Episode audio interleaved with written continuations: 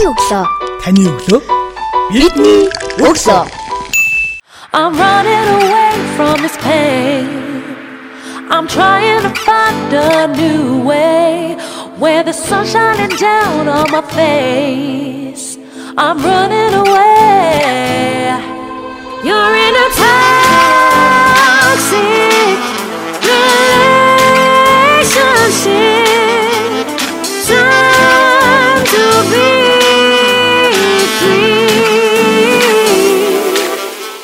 Сонсогч танд шинэ 7 өдрийн өглөөний мэндийг хүргэе. Миний өглөө сурал подкастын ээлж дугаар сонсогч танд хүрч байна. Өнөөдрийн дугаартаа бид Орчлон сургуулийн хэдэд хэлний багш Ууган Баяртай ярилцгаж байна. Юун төрөнд бас бидний урилгыг хүлээж авч ярилцсан болсон танд маш их баярлалаа. Шинэ 7 өдрийн өглөөний мэндийг танд хүргье. За өглөөний мэнд та бүхэн бидний хэлээ. Таны өглөө хэрхийг хэлдэг вэ? Сүүлд дуурал өглөө өгсөн. Утасныхан сөрөглөг хэдэд дуурдаг вэ? За ихэнхдээ болохоор ер нь 7:30-д дуурдаг. Өглөө босоод хамгийн түрүүнд хийдэг дадал зуршлаас үйлдэл танд байдаг бол ямар үйлдэл хийдэг вэ? За хамгийн ихэд өглөө босчоод охины үнсдэг байгаа хажуудалд хитчихэд цугуунтдаг тийм болохоор хамгийн ихэд охины үнсдэг. Аа. Тэгээд э, өглөөний цайгаа бэлтэж охиндоо өглөөний цайг нь бэлтчихээ тэгээд хоёулаа цогтой сургуульд явдаг баг. Ажлын төлөлтөө та юун дээр хөтэлдэг вэ?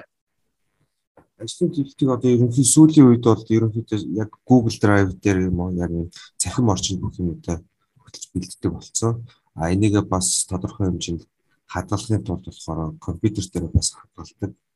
А сүүлийн үед болохоор ихэнх үед болохоор ер нь бол флаш дискэн дээр хардтан дээр хадгалахыг хүсдэг байсан боловч тэгээд ерөнхийдөө бас алга болгочдөг эсвэл энэ тийм мартчихдаг. Тэгээд э, устдах аюултай болохоор тэгээд ер нь драйв дээр ер нь юм хадгалдаг болсон доо.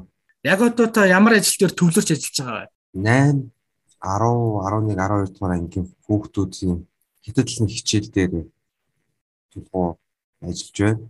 А тэрэн донд болохоор хичээл төлөвлөлт хятадлын хичээлээ одоо хэрхэн сайн заах вэ? Яаж хүүхдүүдийг одоо хятад хэлний төвшин тогтоох шалгалтанд өгүүлэх вэ гэсэн тэр зүйлээр ажиллаж байна.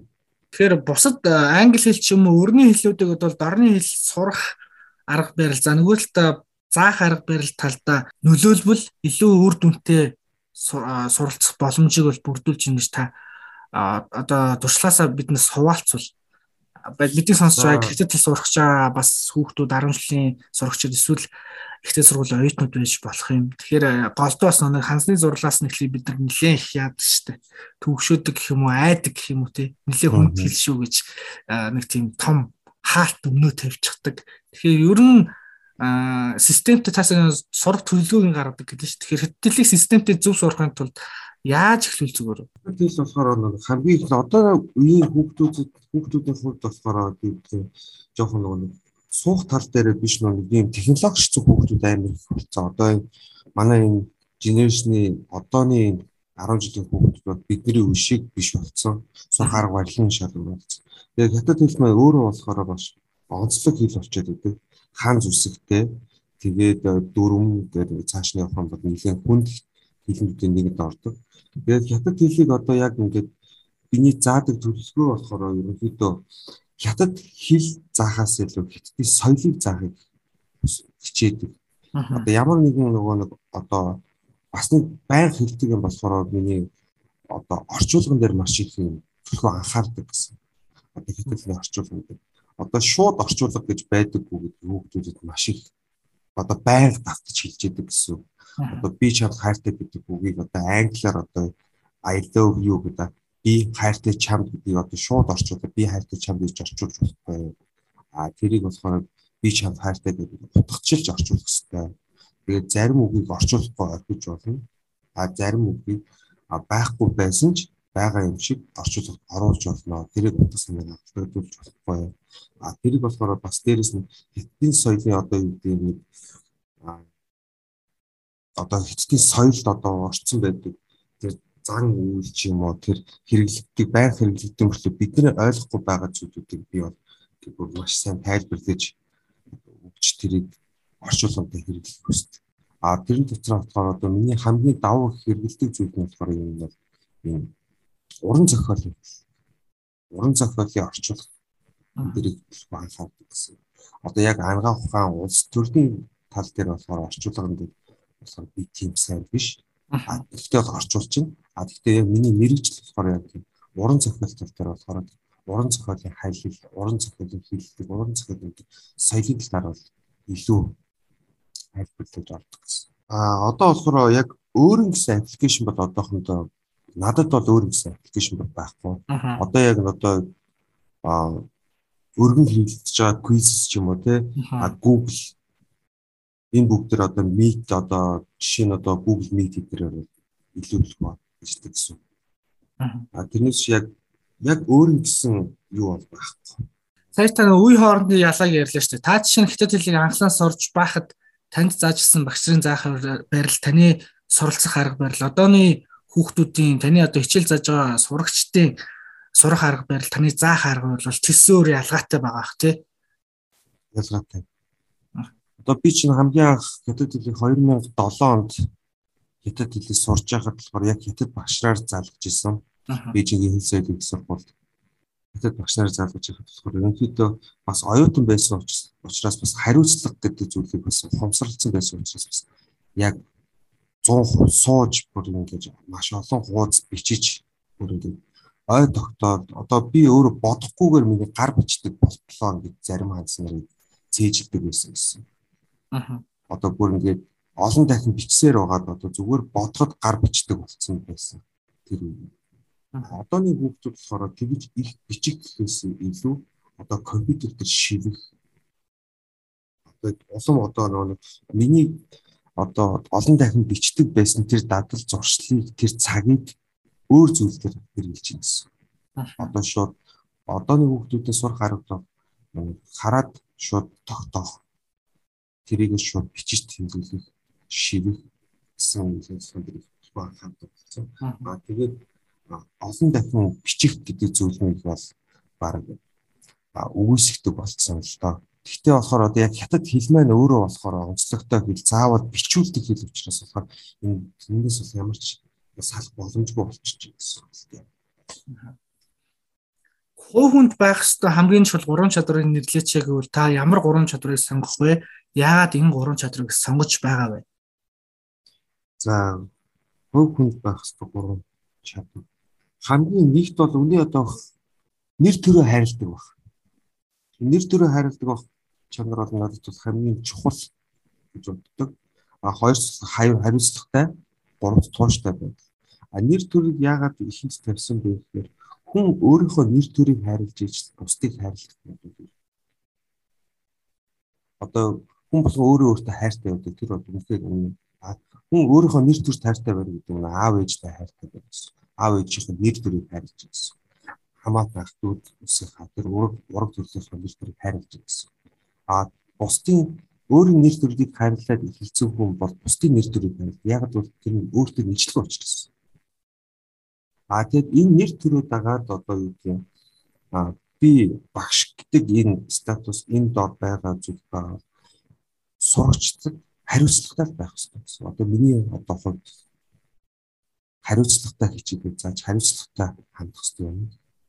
А тэгээд хамгийн сүүлд тууштай байх.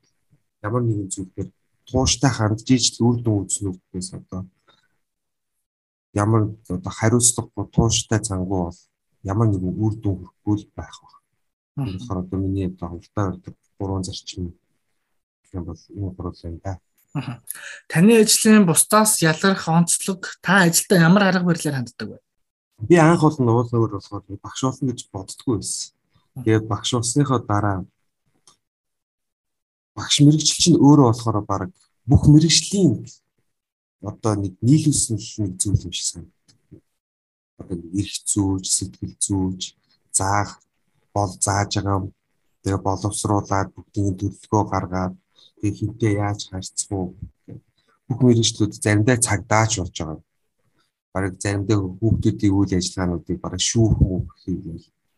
Тэгэхээр одоо маш олон мэрэгчлүүд гэдэг учраас надад одоо маш гоё санагддаг. Үнэхээр гоё санагддаг. Тэгээд багш хүн чинь одоо яг сургууль дотор бол амар тийм нэр хүндтэй байдаг л та. Нэр хүндтэй хүүхдүүд одоо багш нарт та маш нэр хүндтэй. Тийм учраас би энэ одоо мэрэгчлэл одоо маш их хайртай болсон. Одоо энэ мэрэгчлэр одоо би баг 9 жилдээ ажиллаж байна. Одоо баг багшаас өөр ажил хийж чадахгүй байх гэж бодсон шүү дээ. Аа. Багш болохын мэрэгчлийг бол анханасаа сонгоогүй байсан гэсэн. Тэгэхээр яг энэ багшийн мэрэгчлийг сонгох гол юу гэдэг а шалтгаан нь юу байсан бэ? Яагаад юу энэ салбар руу багш болыг шийдэд орцсон бэ? За багш болох шийдвэр болохоор ерөнхийдөө манай найз санал болгосноор би хамгийн анх орчин сургууль дээр анкет өгчээсэн. Гэтэ би багш болно гэж бодоагүй. А зүгээр л анкет өгөөд тэгээд яг тухайн үед болохоор хэтэлний багш үнэхээр яг орчин сургуульд хэрэг болоод тэгээд би хэтэлний багшаар орчоод за би нэг жил багшилчаад бас нэг ажлын туршлага гэдэг зүйл надад байдаг байсан. Тэгээд нэг жил багшилчаад одоо өөр ажлын байран дээр очиндоо гэж боддог. Гэхдээ миний мэрэгжил чинь өөр болохоор хятад дутуу орон зохиолын мэрэгчлээ. Тэгээд за нэг жил багшилчаад болондоо гэж бодсон боловч тухайн үед анх хийж яхад манай нэг багш надад хэлжсэн. Багшлуулаад нэг жил ажиллаад за хөө нэг жил ажиллаа. 2 жил за энэ хүүхдийг нэг төгсөгчийг 2 жил ажиллаад нэг мэдэхэд 20 жил болсон байт юм да гэсэн чинь одоогийн байдлаар би ингээд 9 жил болчоод нэг жил багшлыг хичээл 9 жил нэг жил багшлыг гэл 9 жил багшлцсан. Нэг орцсон бол одоо эндээс ер нь сар чадахгүй юм байна тийм нэг донтуулт юм шиг тийм сүрдэг. Бүр юм гоё. Тэгээ хоёр тус нэг нэг хамгийн одоо нөлөө үзүүлсэн болохоор багш босны дараа манай ихч надад хэлжсэн. Багш хүний сэтгэлгээ хизээч хуучирдгүй гинэ. Би одоо 30 жилийн дараа ч гэсэн тэр үеийн хүүхдүүдийн юу бодож сэтгэж байгааг яг ижлэхэн явж байна гэсэн. Тэгэхээр багш хүний сэтгэлийг хизэж хуучирдгүй багш хүний хизэж одоо сэтгэлгээгээр хөвшөрдгүй гэж надад хэлжсэн. Бас миний юм шиг надад аа гэж зэрдэг гэсэн. Аа. Тэгэхээр сайтаа нөгөө багш хүний сэтгэлийг уучирдгүй гэж ярьж байна. Тухайн хизээ насны цаг үеийн өөрчлөгдөн шавнар ингээл төгсөөл явна дараагийн шин шавнар бэлтгэлэл ороод ирнэ. Тэгэхээр энэ бүх цикл дээр та залуучуудыг ямар байгаасаа гэж хүсдэг вэ? Залуучуудыг одоо ийм тийм байгаасаа гэхээс илүү өөрийнхөө л байгаасаа гэж хүсдэг. Яг тэгэхээр би өөрөө бас өөрийнхөө байхыг хичээдэг. Өөрийнхөө өөрийнхөө характерыг байлгах. А мэдээж энэ нэг өөрийн характерыг зарим нэг зүйлийг дарддаг зүйлүүд байх байдаг. А гэхдээ бол залуучуудыг өөрийнхөө байна гэсэн үг нь юу асуудал байна гэхээр одоо зарим хүмүүс одоо өөрийнхөө л ингээд ажиллаад өөрийнхөө байгаад ингээд амьдрын гэсэн одоо мөн мөн өөрийнхөө л амьдрын гэсэн гэжээж лаац чадвартай байна гэсэн. А өөрийнхөө байхын тулд одоогийн байгаа бүх зүйлийг зогсолтгүй суралцах ёстой юм шиг. Байг суралцах. Одоо жишээ манай сургууль дээр гэхэд чинь одоо 50 гарцсан багш нар чинь одоо компьютерийн цахим хичээл хичээлийг бэлтгэх бэлтгэх бол яа мундаг ш. Надаас лаг лаг бэлддэг багш нар байгаа ш. 50 гарцсан бүртлөө. Одоо бүр квиз мисээр янз бүрийн баг эдишнэр тоглоом моглоом хийгээд тэрийгээрээ бүр ингээд хичээл болгоод бүр туршил туршил хийцэн бүр би гарч итгэв. Тэгэхээр тэр баг хүмүүс бол одоогийнхоо тэр тасалбар суралцаад явна. Тийм болохоор одоо энэ залуучууд бол бүр илүү суралцж явах хэрэгтэй. Илүү байх хэрэгтэй гэдгээр. Одоо тэднэрт хожигд хоцрохгүй бол би ч гэсэн одоо араас нь их суралцаад явж лээ. Анх одоо би ажилд орж явах чи бас аюуллаг боловсон хүчин гэдэл орж ирж исэн бол одоогийн төгсөөд ороод ирж байгаа 23 дөрөвтэй 21 22 дэх залуучууд ч гэсэн тийм бас амарлаг боловсролтой залуучууд биш бүр хэд хэд ганц хэд биш 2 3 хэлтэй мэрэгчлээ тиймэрхүү залуучууд маш олон болчихж байна. Тийм болохоор өөрөөр л аз жаргалтай амьдралын төлөө цогцлолтгоо суралцаасаа л гэж бодож байна да. Боддог. Ер нь та өөрчлөлтөд хэр бэлэн байдаг вэ? А өөрчлөлтөд бол 100% бэлэн байдаг. Би өөрийгөө бол тэгж боддог. Би хаач яаж ч явсан одоо яахгүй бах. Барь цаадахгүй бах гэж боддог. Одоо юу гэх юм ямар нэг өөрчлөлтөнд дургүй хүмүүс байдаг. Тэрийг би болохоор амир үгүйсэлт үгүйсэлттэй. Өөрчлөлт дургүй хүмүүс хизээч хөгждөггүй. Нэг зүйл өөрчлөгдөхгүй яагаад ингэж байгаа юм бэ? Энд чинь ийм байх ёстой шүү дээ гэдэг зүйл маань одоо ерөнхийдөө бидний нийгэмд баг халагдаж байгаа гэсэн. Бидний одоо амьдралд мөхөд байна л өөрчлөгдөж байна гэсэн. Тийм болохоор тийм дандаа бэлэн байх хэрэгтэй. Өөрчлөлт маань сайглаарч жиж бодлоорч тийм болохоор өөрчлөлт үргэлж бэлэн. Одоо өөрчлөлт бэлэн байна. Сэтгэлийн хатуужл юм удаа гэж боддог шүү дээ. А Бээжингийн хэл соёлын сургуулийг төгссөн үндсэн мэрэгчлэл хэл орон зохиол гэж байгаа тийм. Тэгэхээр багшийнхаа хажуугаар ер нь орчуулга хэр хийдэг вэ? Орон зохиолын орчуулга. Аа сая би мастерт сурж байхдаа бол нэхээ орчуулга хийдэг гэсэн. Би бас 2007-оос 12 оны хооронд Бээжинг хэл соёлын сургуулийг бакалавраа төгсчөөд саяхан бас хятадд мастер хамгаалж ирсэн. Тэр хугацаанд бодлого нэлийн орчуулга гэдэг гэсэн орон зохиол орчуулга суудаг. А оюутан багтаа мэдээж бас надад мөнгө хэрэгтэй учраас орон зохиолын орчуулга дээрээс нь энэ эдийн засгийн гэрээ хэлцээр орчуулгыг маш хийдэг гэсэн.